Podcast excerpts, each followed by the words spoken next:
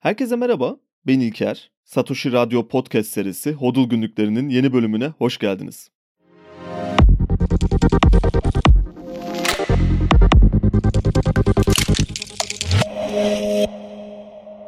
Dünyayı değiştirmeye çalıştığınızda önümüzde duran problemlerin hepsini adresleyerek, hepsine bir çözüm önerisi sunmaya çalışarak ve şikayetçi bir şekilde doğru yolun başka bir şekilde olması gerektiğini anlatıp durarak zaman kaybetmemelisiniz. Eğer bir değişim yaratmak istiyorsanız önce o değişimi icat etmelisiniz. Ve bu tarz icatlarda genellikle Hayek'in dediği gibi pek çaktırmadan yaratılmalı sanırım öncelikle. Satoshi'nin de çok benzer bir düşüncesi vardı. Bitcoin henüz yeterince büyümediği bir dönemde, belki hatırlayanlar olacaktır, 2010'larda Wikileaks skandalı ile birlikte Julian Assange çok popüler olmuştu. Hatta sonradan başına gelenleri burada belki başka bir bölümde de konuşabiliriz toplumdan bilginin saklanması, gizlenmesi ve gizli bir ajandaya uymak için gerçeklerin çarpıtılarak tabana yayılması ve karşılığında demokrasinin araçlarıyla birlikte olur alınması topluluktan sanırım Wikileaks'in gözler önüne serdiği en çarpıcı illüzyonlardan biriydi. Bir anda perde kalktı ve belki de birçoğumuz o günlerde gözlerimiz kanayana kadar bu dokümanların binlerce sayfasına baktık. En azından ben o zamanlarda böyle yapıyordum. Elbette her zaman birçoğumuz belki de gerçeklere ulaşamadığımızın ya da bize anlatılanların gerçekte öyle olmayabileceğini düşünüyor olabiliriz. Zaten belki de bu yüzden Bitcoin bizim için önemli bir araç. Fakat apaçık bir şekilde bunlara şahit olmak yalnızca tahmin yürütmekten çok farklı bir deneyim. O dönemlerde aslında Zeitgeist diye bir belgesel de çıkmıştı. İzlemeyenler için hala tavsiye edebilirim onu. Yanılmıyorsam 2008 krizinden hemen sonra çıkan bir belgeseldi ve o dönem bu iki olay bugün dönüp baktığımda şu anda durduğum yeri şekillendiren önemli kilometre taşları kişisel olarak benim için. Her neyse sanırım 2010'larda Wikileaks finansal olarak aforoz edildikten sonra tüm banka hesaplarına ve onlara bağış yapılmak istenecek yollara engeller konulduktan sonra Bitcoin kullanmaya başlayacaklarını duyurdular. Bitcoin'i sanırım o küçük kendi çemberi haricinde daha geniş bir kitle ilk defa bu olaylarla birlikte duydu. Ve bir popülerlik yarattı bu durum. Yanlış hatırlamıyorsam tarih 2010 sonları 2011 başları olması lazım ve Satoshi de bunun üzerine bir itirazda bulunarak çok güzel bir benzetme kullanıyor o dönemde. Diyor ki bu ilgiyi başka bir şekilde çekmek daha güzel olabilirdi. Wikileaks eşek arısının yuvasını tekmeledi ve şimdi sürü bize doğru geliyor.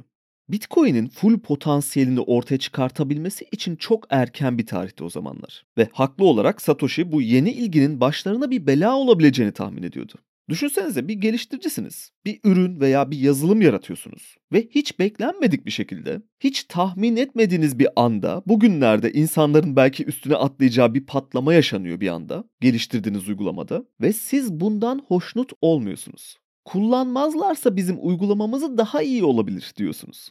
Julian Assange bu arada 90'lardaki cyberpunklardan biriydi. Bu akımın içinden gelen biriydi yani. Ve yüksek ihtimalle mail gruplarında daha önce Satoshi ile belki başka bir takma atla karşılaşmış bile olabilir. Yalnız bu detayları şimdi bir kenara bırakırsak aslında konuyla bağlantılı bir noktadan giriş yaptım ama henüz farkında olmayabilirsiniz. Şöyle ki Wikileaks aslında hiç sahip olmadığı finansal özgürlüğünü kaybettikten sonra yavaş yavaş gücünü de kaybetmeye başladı. Ve bir noktada Julian Assange'ı köşeye sıkıştırarak projeyi tamamen durdurabildiler. Burada köşeye sıkıştırma terimini kelimenin tam anlamıyla kullanıyorum. Çünkü yine yanılmıyorsam 2012 yılında İngiltere'de yakalanmak üzereyken kendini Ekvador Büyükelçiliği'nin içine atarak sığınma talebinde bulunmuştu. 2012 yılından 2019 yılına kadar kelimenin tam anlamıyla bir köşe başında bulunan Ekvador Büyükelçiliği'nde yaşamıştı. Orada balkona çıkıp yaptığı hareketleri ve konuşmaları belki gözünde canlandıranlar olabilir bu noktada. Ve 2019 yılında Ekvador'da artık bu yükten kurtulmak istemeye karar vermesiyle onu 7 yıl sonra elçilik dışına İngiliz topraklarına atarak tutuklanmasında bir rol oynadı. Ve o günden beri de Amerika'da bir hapishanede yatıyor. Eğer Julian Assange tüm bu yaptıklarını gizli bir şekilde yapabiliyor olsaydı ve ortadan kaybolmuş biri olsaydı belki de bugün en ciddi Satoshi Nakamoto adaylarından birisi olabilirdi. Çünkü zaman akışları ve backgroundları böyle işler için gerekli olan CV'leri birbirleriyle çok örtüşüyor ve aynı topluluğun içinden geliyorlar. Yani teorik olarak aralarında çok rahatlıkla bir bağlantı kurulabilirdi eğer işler farklı şekilde ilerleseydi. Finansal bağımsızlık ve özellikle de bir gizlilik sahibi olmak işte tüm bunlar yüzünden çok önemli. Yani Satoshi'nin neden ortadan kaybolduğunu anlamak için Julian Assange'ın durumuna bakmak lazım biraz da. Tabi bu yalnızca sonuç odaklı dar bir perspektiften değerlendirirsek geçerli. Çünkü bu kaçınılmaz sonuç haricinde arkasında birçok farklı fikir daha var Satoshi'nin. Ve burada daha ilk bölümde biraz tüm bunlar üzerine konuşmuştuk Satoshi Nakamoto'yu anlamak bölümünde. Fakat isterseniz bu ısınma turlarından sonra ana konuya geçelim artık. Bitcoin finansal bir bağımsızlık kazanmak için neden önemli? Sorusuna aslında neden önemsiz olsun ki diye cevap vermek isterdim. Ama işler sandığımızdan biraz daha derin. Hatta çok basitçe eğer öncesinde FAIR hareketine yani finansal özgürlük ve erken emeklilik konseptine aşina olanlar için ilk bakışta Bitcoin hiçbir şey vaat etmiyor gibi görünebiliyor. Çünkü bu konseptin arkasında bir pasif gelir kaynağı oluşturma mantığı var. Ancak işin temel noktası Bitcoin bu anlamda değerlendirilirken bence çok kritik bir hata şeklinde atlanıyor. Ve bugün işte biraz bu başlıklar üzerinde durmak istiyorum. Elimizdeki bu yeni şeyin nasıl yetenekleri olduğunu anlayabilmek için. Bugünlerde basit bir Bitcoin tanımı yapmak çok karışık görünebiliyor. Fakat daha önce bildiğimiz, aşina olduğumuz hiçbir varlık çeşidine benzemiyor diye suya belki yavaşça ayağımızı sokabiliriz. Ve şöyle bir durum var. Biz bir varlık çeşidine baktığımızda onu genellikle bir kategoriye yerleştirmeye çalışıyoruz. Ve diyoruz ki örneğin altın bir değer saklama aracı ya da hisse senetleri aktif yönetilebilen bir pay piyasası aracı. Aktif bir yatırım çeşidi. Gayrimenkuller de zaten adından da anlaşılacağı gibi pasif yatırım çeşitleri. Ve tabii bir de bizim için Türkiye şartlarında döviz cinsleri aslen bir para birimi ve takas aracı olmalarına rağmen ek bir yatırım aracı olarak görülüyorlar. Peki şimdi en baştan iddialı bir giriş yapalım. Ve şöyle desem. Bitcoin hem aktif hem pasif bir yatırım çeşidi. Aynı zamanda bir değer saklama aracı ve yine aynı zamanda bir takas aracı. Para birimi. Biraz önce saydığım bütün araçların karmasından oluşan adeta yeni nesil bir Frankenstein'ın yaratılışı gibi bir şey desem Bitcoin için. Frankenstein benzetmesini de şunun için kullanıyorum. Çünkü ölmüyor bir türlü. Dinleyenlerin yine hatırlayabileceği gibi Bitcoin neden ölmüyor diye bir bölümde yapmıştık ayrıca. Yani kısaca belki de bir Frankenstein olduğu yüzündendir ölmemesi. Aslında bunun biraz içini açmak istiyorum ve aynı zamanda da bireysel bir bağımsızlık fikrinin en temel maddeleri üzerinden gitmiş olacağız. Şöyle ki Bitcoin dünyanın her yerine, her an, her şekilde ve her istenildiğinde taşınabilecek bir varlık çeşidi.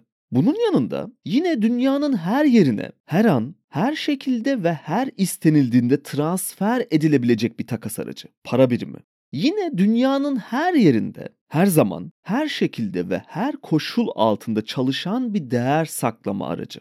Aynı cümleyi tekrar ediyormuş gibi görünüyor olabilirim ama dikkatli takip etmenizi tavsiye ederim. Çünkü buradaki durum şu. Sondan başlayarak gelelim isterseniz. Bitcoin bugün dolar bazında belki all time high dediğimiz en yüksek seviyesinin bir miktar altında yer alıyor. Ancak örneğin Türk lirası, Arjantin pesosu, Venezuela bolivarı, Tayland bahtı ve hatta Japon yeni gibi aklınıza gelebilecek en az 20-30 adet daha farklı para biriminde dolar bazındaki yaptığı zirvenin karşılığı olan yerel birim olarak o geçmiş tarihten bu yana birkaç kez daha yeni zirveler yaptı. Tabi buna rağmen dolar şu anda uluslararası rezerv birim olarak oldukça güvenli görünüyor olabilir ve bu saydığım ülkelerin birçoğunda bir para birimi olmasının yanında değer saklama aracı olarak mesela yine Lübnan'da kullanılıyor olabilir. Fakat bugünlerin artık sayılı olduğunu düşünüyorum kişisel olarak. Makul bir vade içinde umarım Bitcoin ve bu diğer kağıt parçalarının arasındaki fark çok daha net bir şekilde anlaşılacaktır. Ancak bunun hemen olmasını da bekleyemeyiz ve şöyle düşünebiliriz. Teorik olarak %100 üstün bir para birimi keşfettiğimizi varsayalım. Güvenli tarafta kalmak için teorik kelimesini kullanıyorum burada. Ve bu açıdan bakarsak dünya üzerinde yaşayan herkesin bunu aynı anda anlayabilmesinin mümkün olabileceğini söyleyebilir miyiz? Elbette böyle olmayacak ve zaman alacak. Dolar bu anlamda uzun süredir yarattığı çekiciliği nedeniyle bu işlemi geciktiriyor gibi görünebilir. Ve ayrıca yerel para birimlerinin değer kaybı doların değer kaybından çok daha hızlı bir şekilde olduğu için tüm bunlar bir toz bulutu gibi görüş açısını da kapatıyor olabilir. Hatta adeta bir illüzyon yaratıyor doların değer sakladığına dair. Ancak bir de şu açıdan yaklaşalım isterseniz. Türkiye ve Arjantin üzerinden gidersek iki ülkede de enflasyon en azından hissedilen enflasyon olarak düzeltirsek kelimeyi yaklaşık olarak %100'ün üzerinde seyrediyor. Fakat buna rağmen döviz cinsleri yıllık bazda %100 oranında artmıyor ya da enflasyonu hedgelemeyi başaramıyor. Arjantin'de mesela bunun için kuru tutmaya çalışıyorlar. Dı en azından Javier Milei gelene kadar. Peki neden böyle oluyor? Bunun haksızlık olduğunu mu düşünüyorsunuz yoksa? Serbest bir piyasada mı olduğumuzu düşünüyordunuz tüm bunlar olmazsa? Bu soruların cevabı olarak kısacası şöyle diyebiliriz. Reel olarak hissedilen enflasyon oranıyla hiçbir kağıt para biriminin yarışabilmesi mümkün değil. Çünkü dizaynları gereği bunu yapabilmeleri kelimenin tam anlamıyla imkansız. Enflasyonu yaratan şey zaten bu kağıt parçalarının var olması. Daha da doğrusu bu kağıt müsveddelerinin kolayca yaratılabilmesi. Asıl problem. O yüzden kendi yarattığı bir canavarla nasıl bir mücadele edebilir ki? Eğer böyle bir durumu hayal etmek isterseniz kendi kuyruğunu yiyen bir yılan kareografisini gözünüzde canlandırabilirsiniz. Ayrıca Bitcoin yalnızca bir enflasyon hedge mekanizması olarak çalışıyor diyemeyiz. Çünkü bu onu sadece değer saklama kategorisine hapsederdi. Ama sanıyorum biliyoruz ki bundan çok daha fazlasını vaat ediyor Bitcoin. Yine bununla ilgili Parker Lewis'in bu yıl hazırladığı yeni bir sunum da vardı. Bitcoin bir enflasyon hedge değildir diye. Ona da mutlaka bir bakmanızı tavsiye ederim farklı bir perspektif görmek için. Ve devam edersek bir varlığın transfer özgürlüğünden bahsediyorduk aslında. Bağımsızlık kalesinin ilk kilit taşlarından birisi bu. Dünyanın en güvenli şekilde korunan ve cebinizde, zihninizde ya da fiziksel bir objenin içinde saklayabileceğiniz dünyanın en ele geçirilmez derecede sağlam varlık çeşidi Bitcoin. Bugün pek farkında olmasak da özellikle gelişmekte olan ülkelerde hatta gelişmemekte ısrar eden ülkelerde diye düzeltirsek sanırım daha doğru olacaktır. Bu tarz noktalarda bir kapital, sermaye kontrolü olduğundan söz edebiliriz.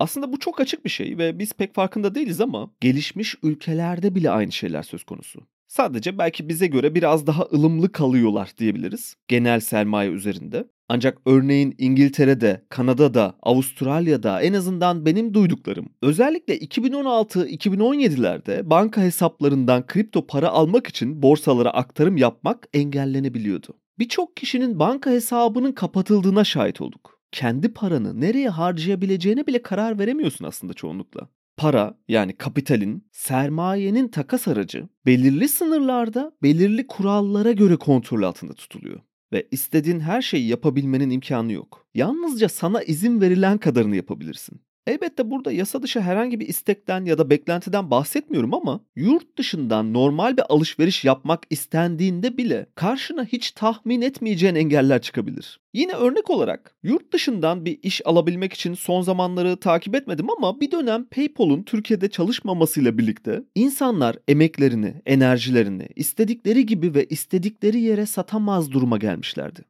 Şimdi bu açılardan baktığımız zaman tüm bunlar finansal bir bağımsızlık sahibi olmanın pek konuşulmayan detay noktaları olarak görünüyor olabilir ama eğer bir bağımsızlıktan söz etmemiz gerekiyorsa her biri temel yapı taşlarını oluşturuyor bence.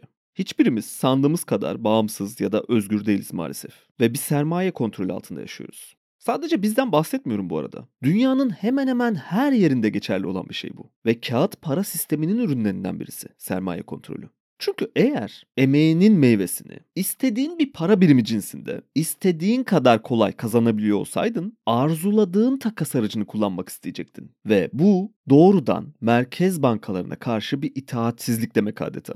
İşte tam olarak bu yüzden sermaye kontrolü var ve serbest bir piyasada değiliz. Belki tüm bunlar biraz anarko kapitalist bir bakış açısı olarak görünebilir ilk bakışta. Ancak sahibi olduğumuzu düşündüğümüz hangi bireysel bağımsızlıklarımızın aslında birer ilizyon eseri olduğunu bireysel olarak iyi anlayabilirsek çözümün de ne olduğuna bir o kadar yaklaşabiliriz. Sanırım bu noktada artık Bitcoin'in sermayeyi nasıl özgürleştirdiğini ve emeğin meyvesini nasıl isteğe bağlı bir şekilde hareket ettirdiğini daha fazla detaylarına girerek anlatmamıza gerek yok diye düşünüyorum. Tüm bu konuştuklarımız üzerine. O yüzden isterseniz başka bir önemli maddeye geçelim lafı çok uzatmadan. Şöyle ki Bitcoin'i diğer birçok varlıkların aksine sizin ihtiyaç duyabileceğiniz oranlarda parçalanabilecek bir blok şeklinde düşünebiliriz. Bunun sağladığı çok çok önemli avantajlar var. Bir Bitcoin için 100 milyon Satoshi'den oluşuyor diyoruz. Ancak kodlamada yanına her zaman ekstradan sıfırlar ilave edilebilir. Satoshi'nin kendisinin de söylediği gibi. Hemen şu anda bir kırmızı alarm yakmış olabilirsiniz. Sıfır eklemek bizim bildiğimiz tabiriyle çok tehlikeli sonuçlara yol açan enflasyonist bir davranış biçimi çünkü. Kağıt para birimlerinde sıklıkla karşılaştığımız bir ekleme çıkarma matematiği dönüyor belirli bir vade içinde. Ve bazen hatta süreç içinde unutabiliyoruz paradan kaç sıfır atıldı, geri kaç sıfır eklendi. İpin ucu bir noktada kopabiliyor herkesin farkında olduğu gibi.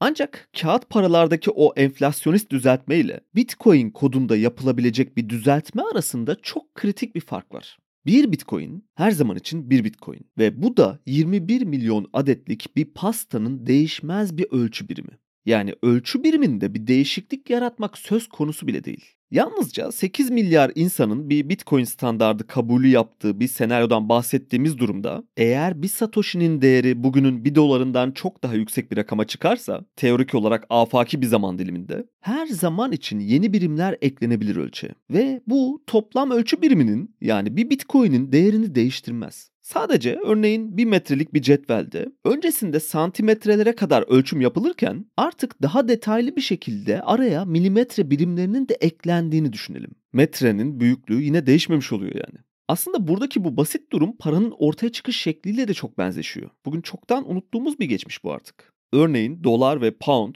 tarihçe olarak altının farklı ağırlık birimlerini temsil ediyorlardı bir dönem için. Dolar 1 ons altının 20'de biri olarak ağırlığınca değer atfedilen bir birimdi. Yine pound 1 ons altının 4'te biri üzerinden değerleniyordu. Eğer şimdi burada basit bir matematik yaparsak 1 pound'un 5 dolara eşit olduğunu çok rahatlıkla görebiliriz sanırım. Ve bu değişmez bir orandı. Tam bu noktada şöyle bir itiraz yapabilirsiniz çok düz bir mantıkla. Ve denilebilir ki İyi de senin bu söylediğin şey sabit bir kur rejimi ve sabit kur rejimleri dolaylı yollardan bir anlamda sermaye kontrolüne doğru uzanan bir dolambaçtır diyebilirsiniz. Dolayısıyla kontrolün olduğu bir yerde yine bağımsızlıktan söz edemeyiz. Ve eğer para birimlerinin çevrim kurları sürekli birbirlerine karşı sabit olarak kalırsa serbest piyasaya aykırı bir hareket olur bu. Yine bununla birlikte özgürlükten de söz edemeyiz diyebilirsiniz.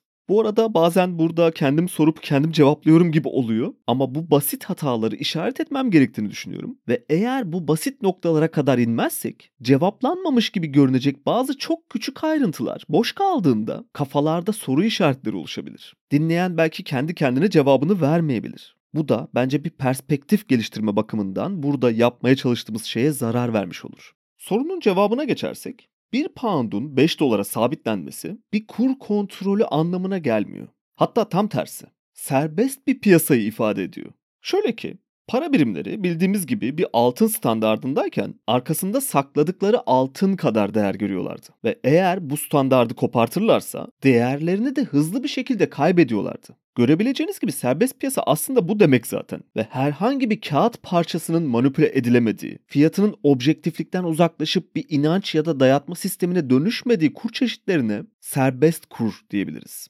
Eğer bir pound'un arkasında 1 bölü 4 ons altın bulunuyorsa ve yine eğer 1 doların arkasında gerçekten de 1 bölü 20 ons altın bulunuyorsa bu iki para biriminin 5'te 1 oranından farklı bir oranda takas edilmesini bekleyebilir miyiz? Eğer bu aradaki oran suni bir şekilde bozulursa serbest piyasanın bir gereği olarak bireyseller ya da kurumlar buradaki arbitrajı kullanarak tekrardan bir noktada aradaki takas oranını doğru bir metreye çekmezler mi? Bu aradaki yaratılacak kar farkı ancak kısa bir süreliğine yapay bir şekilde fark olarak gerçekleşebilir. Eğer serbest bir piyasadan söz etmemiz gerekiyorsa.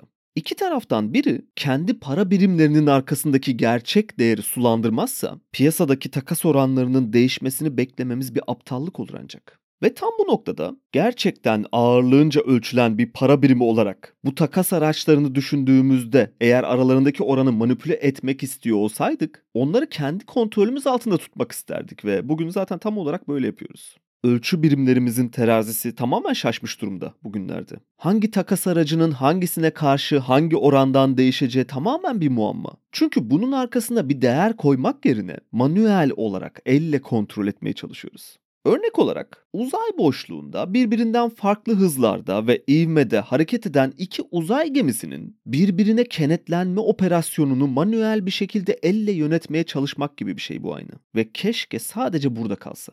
Belki farkında değiliz fakat daha kötüsü var. Ölçü ve tartı birimlerini konuşmuştuk. Aynı örnek üzerinden gidelim o yüzden. Örneğin buradaki metrik bir ağırlık birimi de olmayabilirdi. Farklı bir fiziksel şema düşünelim. Mesela diyelim ki 1 pound 1 metreye eşit. Ve hepimizin bildiği gibi 1 metrenin içinde 100 santimetre yer alıyor. Eğer bir noktada size gelsem ve desem ki biz 1 metrede artık 100 santimetre olduğunu kabul etmiyoruz ölçeceğimiz şeyi daha rahat ölçebilmemiz için artık bir metreyi 120 santimetreye çıkartıyoruz desem.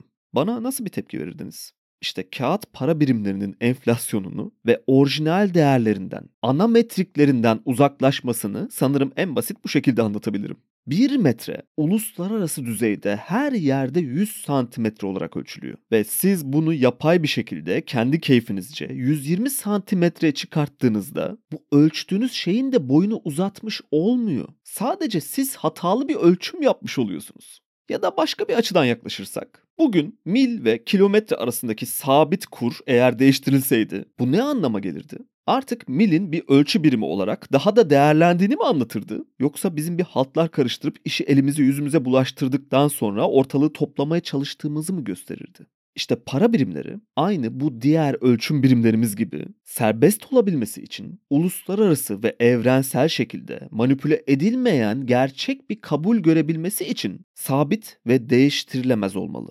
Eğer illaki tatmin olmak için rakamları büyütmek istiyorsanız metreyi milimetre cinsinden ya da kilogramı miligram cinsinden söyleyebilirsiniz. Ama bu hiçbir şey değiştirmeyecektir. Aynı Bitcoin ve Satoshi birimleri gibi.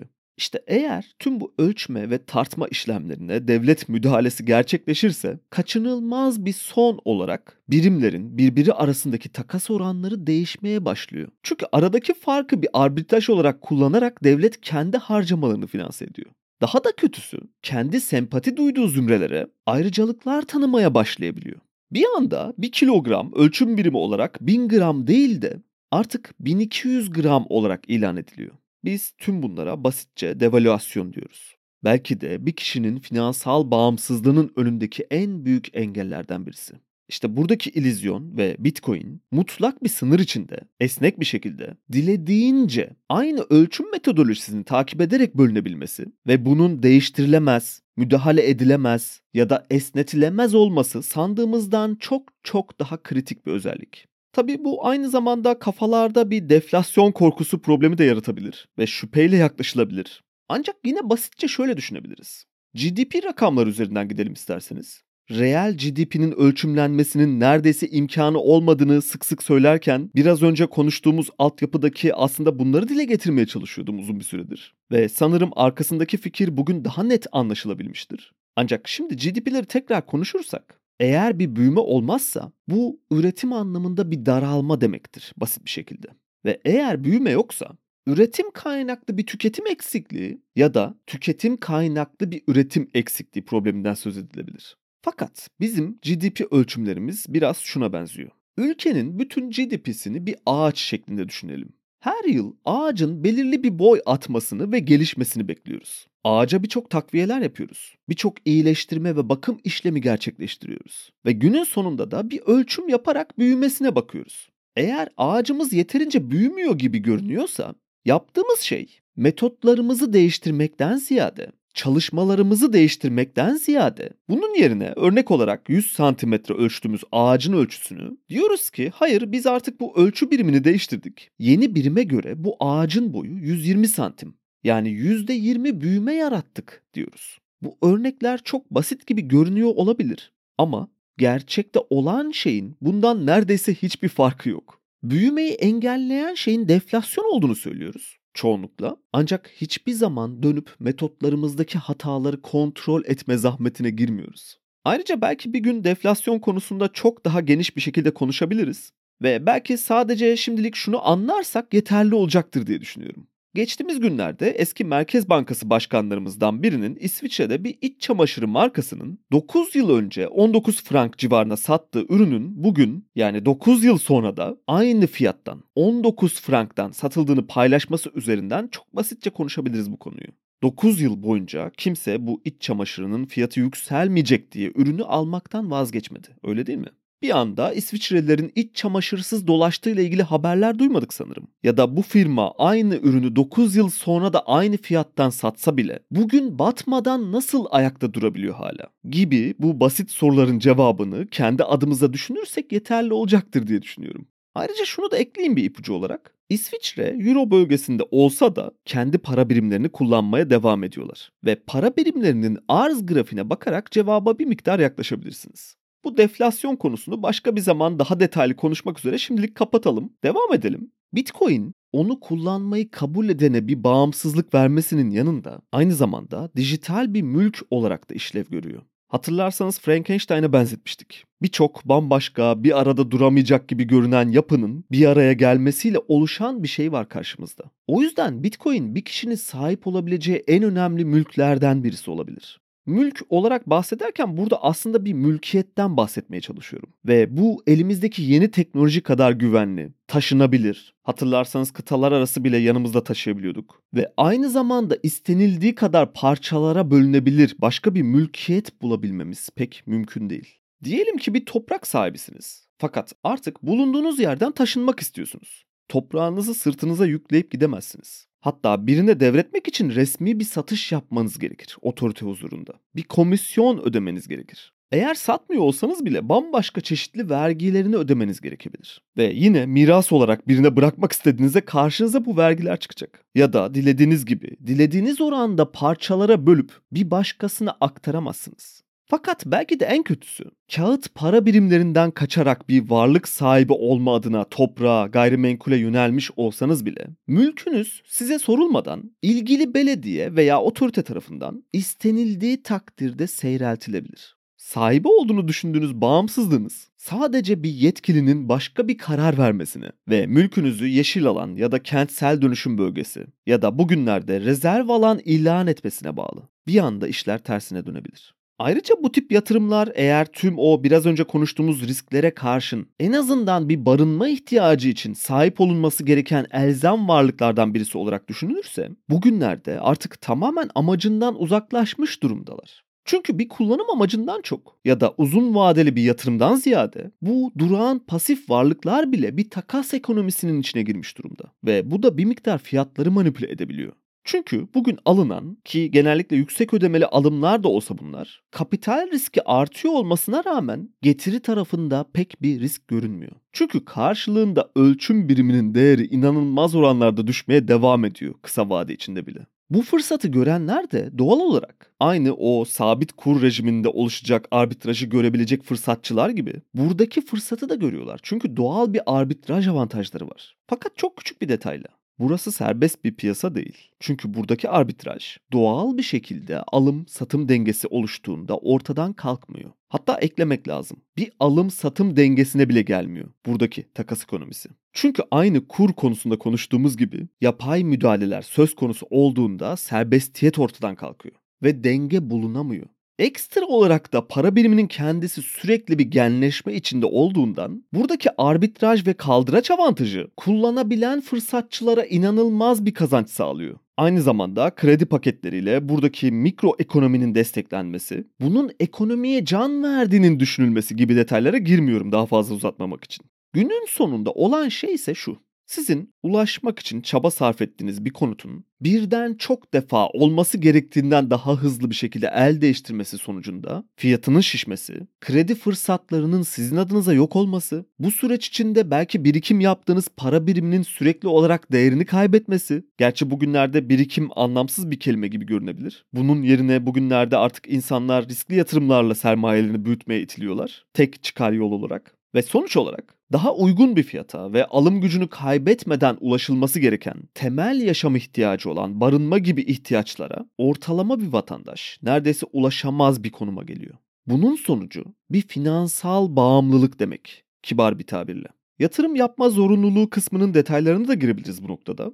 Elinizde yıllık %100 civarında değerini kaybeden bir takas aracı var diyelim. Yani daha basit bir tabirle bugün emeğinizin karşılığı olan meyve diyebileceğimiz para birimini aldığınızda eğer bunu biriktirme gibi bir gaflete düşerseniz bir yıl sonra şu anda alacağı şeylerin ancak yarısını alabilecek. Ondan sonraki bir yılda belki dörtte birini alabilecek. Yani iki yıl içinde değerinin dörtte üçünü kaybetme ihtimali olan bir araç. Böyle bir şey elinizde tutamazsınız ama ne yapabilirsiniz? Sizin yarattığınız katma değerin meyvesi bu. Ya hemen tüketeceksiniz ya da hemen ondan uzaklaşacaksınız. Ayrıca alım gücü probleminin çözülemeyen sarmalından dolayı para birimlerinin bir kısmını kenara ayırıp başka bir şeye dönüştürme imkanı da kısıtlı. Çünkü harcanan emeğin karşılığı doğru bir ölçü biriminde alınamadığında temel yaşam standartlarını bile korumakta güçlük çekilebiliyor ve birikim yapacak fırsat bile doğmayabiliyor ekstrem durumlarda.